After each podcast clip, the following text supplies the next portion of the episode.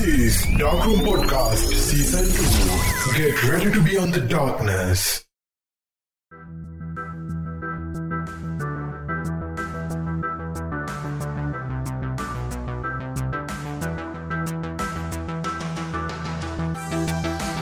හැමෝටම අයිබුවන් අද ඔයාලා එකතු වෙන්නේ ඩාකරුම් පොඩ්කාස්ට් සීසන් 2 එකේ පලවෙනි එපිසෝඩ් ඇත් එක්ක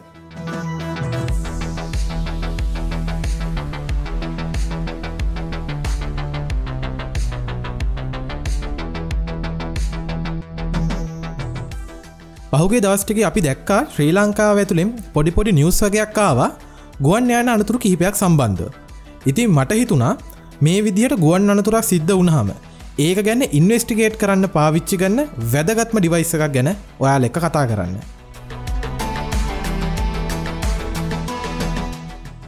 ඒ තමයි බ්ලක් බොක්ස් එක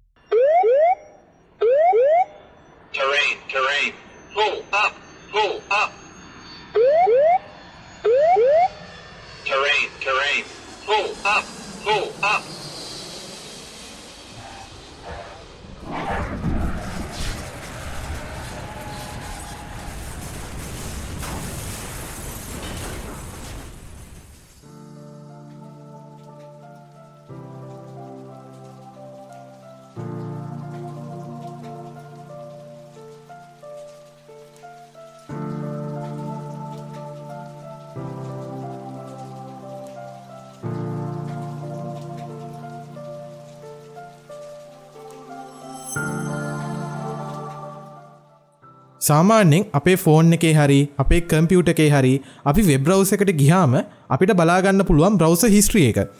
ඒක අපි මොන වෙබ්සයිටල්ටද ගියේ කවද්ද ගියේ කොයි වෙලාවටද ගියේ ඒවගේ ඉන්ෆර්මේෂන් ගොඩක් අපිට එතනින් බලාගන්න පුළුවන්. ඒවගේම තමයි ප්ලේන් එකෙත් ඇතුළ සිද්ධ වෙන දේවල් සේව් කරගන්න වෙනම ඩිවයිස් එකක් තියෙනවා. ඒකට අපි කියනවා බ්ලක් බොක්ස් එක කියලා. මේකට බ්ලක් බොක්ස් කියලා කිව්වට මේකට කියන හරිම නම තමයි ඉලෙක්ට්‍රොනික් ෆ්ලයිට් ඩේට රෙකෝඩ හැබැයි ඉතින් සම්මතයක් විදිර හැමෝම් බ්ලක් බොක්ස් කියන හින්ද මත් ඒ නවම කියන්න. සාමාන්‍ය මේ බ්ලක් බොක්ස් එක කොටස් දෙකට තමයි එන්නේ. පළවෙනි කොටස තමයි ෆ්ලයිට් ඩේට රෙකෝඩ එම නැත්තං අපිකට කියනවා FDR කියලා. අනිත් කොටස තමයි කොක්පිට් වොයිස් රෙකෝඩ එමන් නැත්ත CVR සාමාන්‍යෙන් ෆ්ලයිට් ඩේට රෙකෝඩ් එක එමන් නැත්තම් FDR එකේ ගුවන්යානේ තින ගොඩක් ඉන්ෆෝමේෂන් සේව් වෙනවා. උදාහරණයක් විදිහට කිවොත් ප්ලේන් එක දැනට ගමන්ක නුස ටයිම් එක ගුවන්යානේ වේගය එන්ජිං සෙටින් ඉන්ෆෝමේෂන් තෙල් ටැන්කිවල ඔයිල් ප්‍රශය එක එන්ජින් එක ඔයිල් ප්‍රශයක ටෙම්ප්‍රචය එක ඊළඟ නැවිගේෂන් ඉන්ෆෝමේෂන් මේ වගේ ගොඩක් දේවල් මේ ෆ්ලයිට් ඩේට රෙකෝඩ් එකේ සේව් වෙනවා. සාමාන්‍ය සම්මතයක් තියෙනවා FAA රෙගුලේෂන් කියලා. එහෙම නැත්තං ඒකට අපි කියනවා ෆෙඩරල් ඒවියේෂන් ඇඩමිනිස්ට්‍රේෂන් රෙගුලේෂන් කියලා. මේකට අනුව FDR එකක් ඇතුළේ ප්ලේන් එකේ තියෙන ක්‍රටිකල් ඉන්ෆෝර්මේෂන් වලට අදාළ දත්ත. එහමන් නැත්තං අපි එකට කියනවා පැරාමීටස් අවම වශයෙන් අසූවටක් සේව් කල්ල තියාගන්න ඕනි පැය විසි පහක් යනකා ඒක තමයි සම්මතේ. හැබැයි දැන් අලුතෙන් එන බ්ලක් බොක්ස් මොඩල් උදාහන්නක් විදිරකිවොත් හනිවල් කම්පනිකෙන් හදන බ්ලක් බොක්සස්සල පැරාමීටස් දාහක් වෙනකං සේව් කල්ල තියාගන්න පුළුවන්.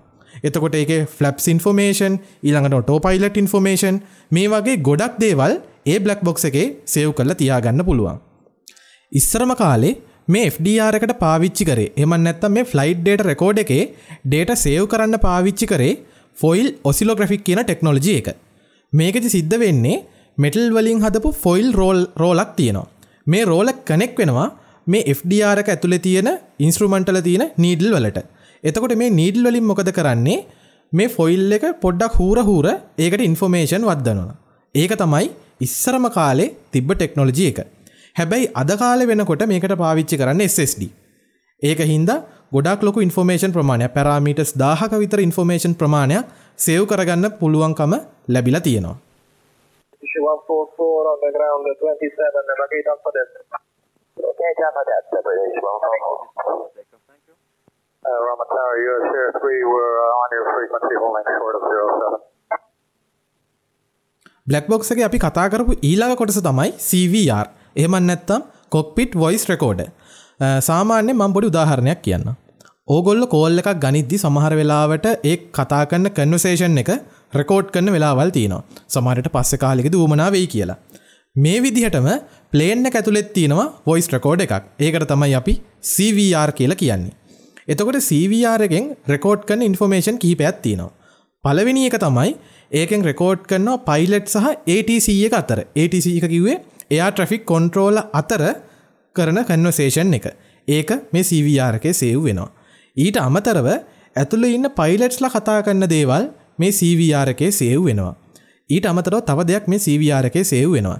ඒ තමයි ප්ලේන් එක ඇම්බියන් සෞන්් එක ඒගෙන් අපිතුමු එන්ජින්න එකේ සෞන්් එක වෝනිිංසල සෞන්් එක මේ දේවලුත් මේ CVR එකේ සේව් වෙනවා. ඉස්සරම කාල මේකට පාවිච්චි කරේ මැග්නටික් ටේප් අපි ඉස්සරව කැසට් කියලා අපි කියන්නේ අන්න ඒ වගේ දෙයක් තමයි මේකෙදි පාවිච්චි කළේ. එතකොට මේ වොයිස් රකෝඩ් එක සාමාන්‍ය ප්ලේන් එක ඉවර කරන්න කලින් අවසාන මිනිත්තු තිහ වෙනකං වොයිස් එක සේව් කල්ල තියාගන්න පුළුවන් ඒක තමයි සාමාන්‍ය සිරිත. හැබැයි දැන් අද කාලෙ වනකොට මේකට පාවිච්චි කරන්න SSD. ඒක හින්දා ප්ලේන් එක ගමන ඉවර කරන්න අවස් ඉවර කරන්න කලින් අවසාන පැය දෙකක් වෙනකං මේක වොයිස් රෙකෝඩ් කල්ලා තියාගන්න පුළුවන්.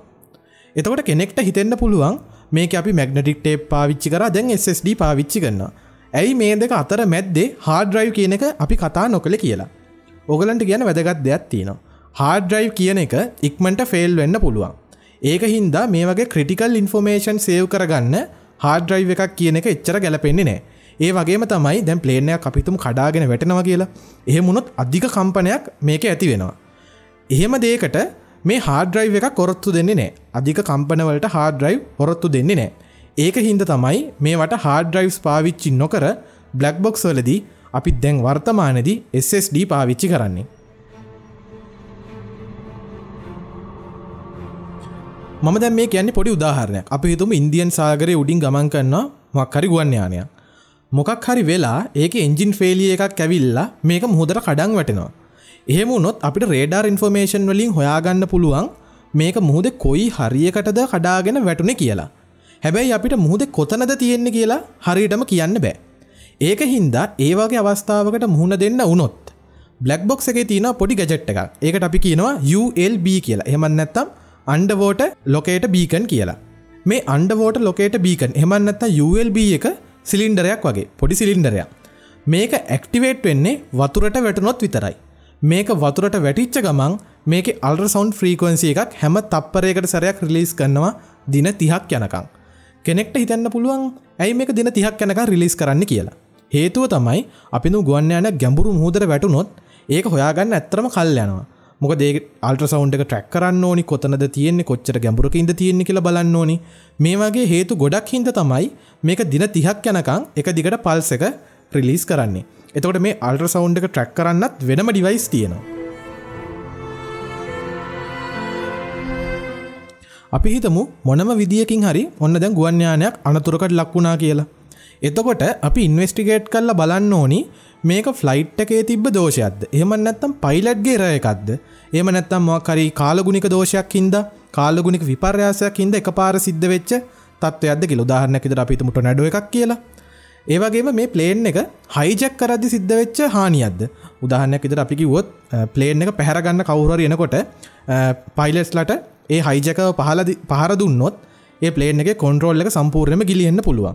එහෙම වෙලා සිද්ධ වුණ කඩා වැටීමත්ද එහෙම නැත්තං ප්ලේන උඩින් ඇති කවුරරි ගහපු බෝම්බ ඇද කියලා. කියන්න බෑන ත්‍රස්ස පහරයක් වෙන්නත් පුළුවන්නේ.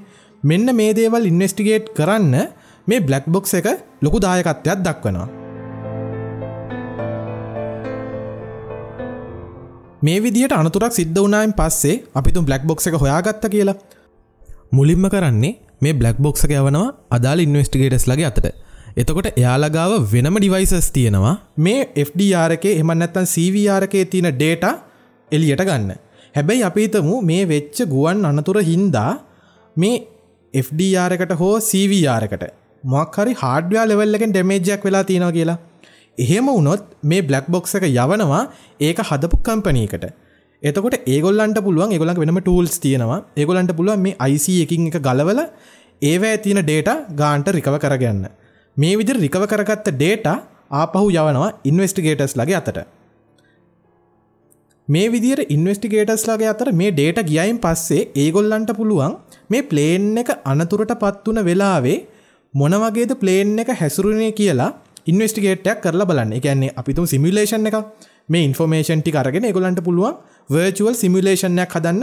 ප්ලේන් එක මොන වගේ උසකින්දගේ කොහොමද එක කැරකුණේ ඇයි බිමට වැටුනේ? මේ වගේ හැම දෙයක්ම ඒගොලන්ට සිමිලේෂන් එක කරහ බලාගන්න පුළුවන්. ඒ බලාගන්න මේ FDRකේ තියෙන ඩේට පාවිච්චි කරලා. ඊට අමතර මේගොලන්ට පුළුවන් සීවරක පාවිච්චි කරලා ඒ වෙලා එයා ට්‍රෆික් කොන්ට්‍රෝල කිව්ව මොනවද? ඒගොල්ලො ඒගැන ATC එකෙන් කිව්ව දෙවල් පයිලට් අනුගමනය කරාද? ඊට අමතර පයිලට්ලා දෙන්න මොනවද කතා කරේ? අපි හිතමු සමල්ලට පයිලට්ලා දෙන්නට නෝටිස් නොවනට එන්ජින් ෆේලියකද එන්ජින් එකගෙන සෞන්් එක වෙනස් වෙනවා. එහෙම දෙයක් කර ඇම්බියන්ට් එක කැප්ච කරගන්න තිබ මයික එක රකෝඩ්ඩලා තිබොත් අපිට හිතාගන්න පුළුව ආමක එන්ජින් ෆෙලිය එකක් හිද තමයි මේද සිද්ධ වෙලා තියෙන්නේ කියලා. මේකට හොඳම ෆිල්ම් එකක් තියනවා සුලී කියලා.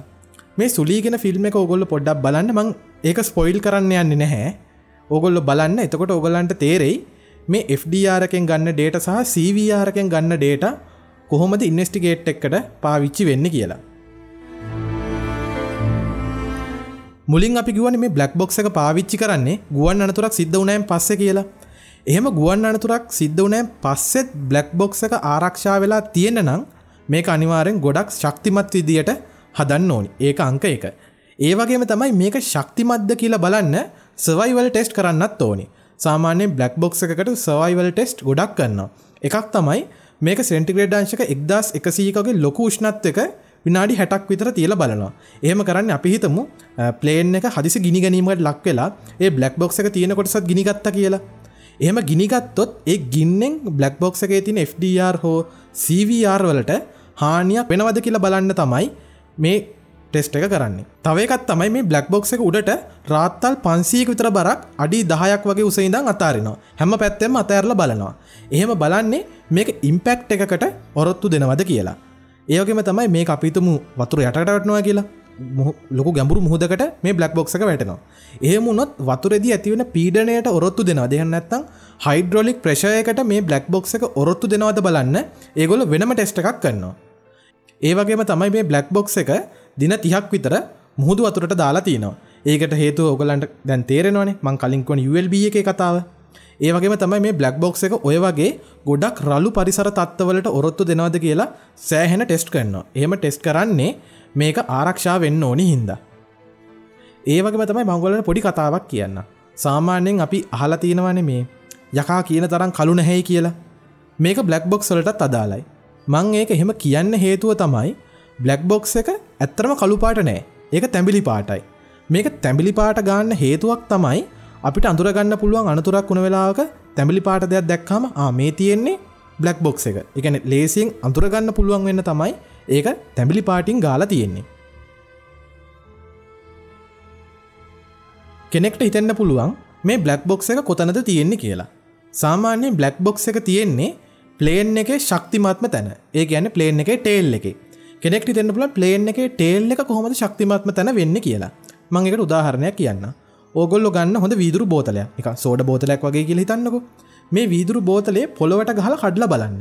එතකොට ඕගල්ලන්ට තේරෙයි බෝතලේ බඳ කොටස කැඩිලා හැබැයි මූඩිය දාන කොටස විතරක් පොඩ්ඩ කාරක්ෂා වෙලා තියෙනවා. එකන ඒ හරියට වෙලා තියෙන හානි අඩු මෙන්න මේ දේම තමයි ගුවන්්‍යානකත් සිද්ධ වෙලා තියෙන එකැනෙ ගුවන්්‍යානෙත් ටේල්ලක කොටස තමයි ගොඩක් ආරක්ෂා වෙලා තියෙන්නේ.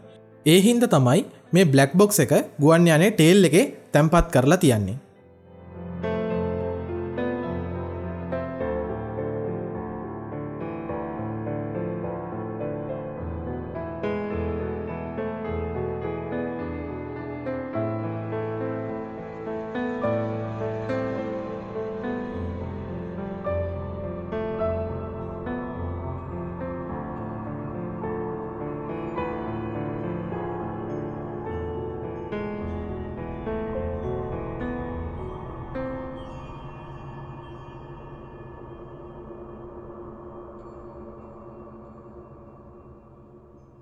ඉතිං ඕක තමයි බ්ලක් බොක්ස් එකේ කතාව.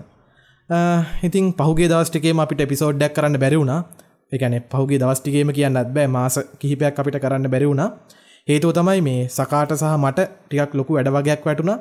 හැබැයි මනන් දැන් පොඩ්ඩක් වැඩවලින් නිදහස්. හැබැයි සකානන් තාම නිදහස් නෑ. සකායේ වැඩවලි නිදහස් වෙලා එද්දි අප්‍රේල් වගේ වෙයි. සකා එනකං මම පුළුවන් හැම වෙලා එකම මේ විදියට එපිසෝඩ්ඩක් ඔගොල්ලන්ට දානවා. ඉතින් මං ඔගලන්ට ඉස්සර වගේම මතක් කරන්න අපිව Google පොඩ්කාස්ට් එකෙන් ඇංක FM එකෙන් ඒවගේම Apple පොඩ්කාස්ට් එකෙන් අපි හන්ඩ පුළුවන්. ඒවගේ Apple පොඩ්කාස්ටලින් හන කට්ට ඉන්නවන ඔයාලට පුළුවන් අපිෝ රේට් කරන්න. එන අදර අපි ගිහින් එන්න. මේ ඩාක් රූම් පොඩ්කාස්ට් හැපුන මහවනන්තරේ ඊසි අට ආසන්තරේ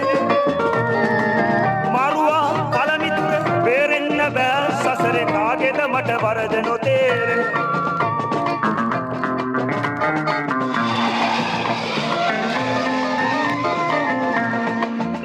මම පත්තරේ බලලා උපුට ගත්තේය සොයලා කියනෙමි විස්තර කරලා හොඳ හැටි ගලපාලා එහි ඇති දුම්බර කිරලා ගයන්නේ මම අසන්න උබලා හැත්ත හතරවකුසේ දෙසැම්බර් සිව්වෙනි දවසේ උුණු දෙය අසන්ට අයිසේ. අන්ටාල බෝසේ වල පුුණාලු දුකසේ අසාල ආසියානෙ විනාසේ. සිරිලකාසේ මස් එලිය ප්‍රදේශේ පෑදායට බදාත දවසේ එන්න පාරක්සේ කුකුරතෙ දරුවාසේ කිසිවෙක් නොදැනෙති රාසේ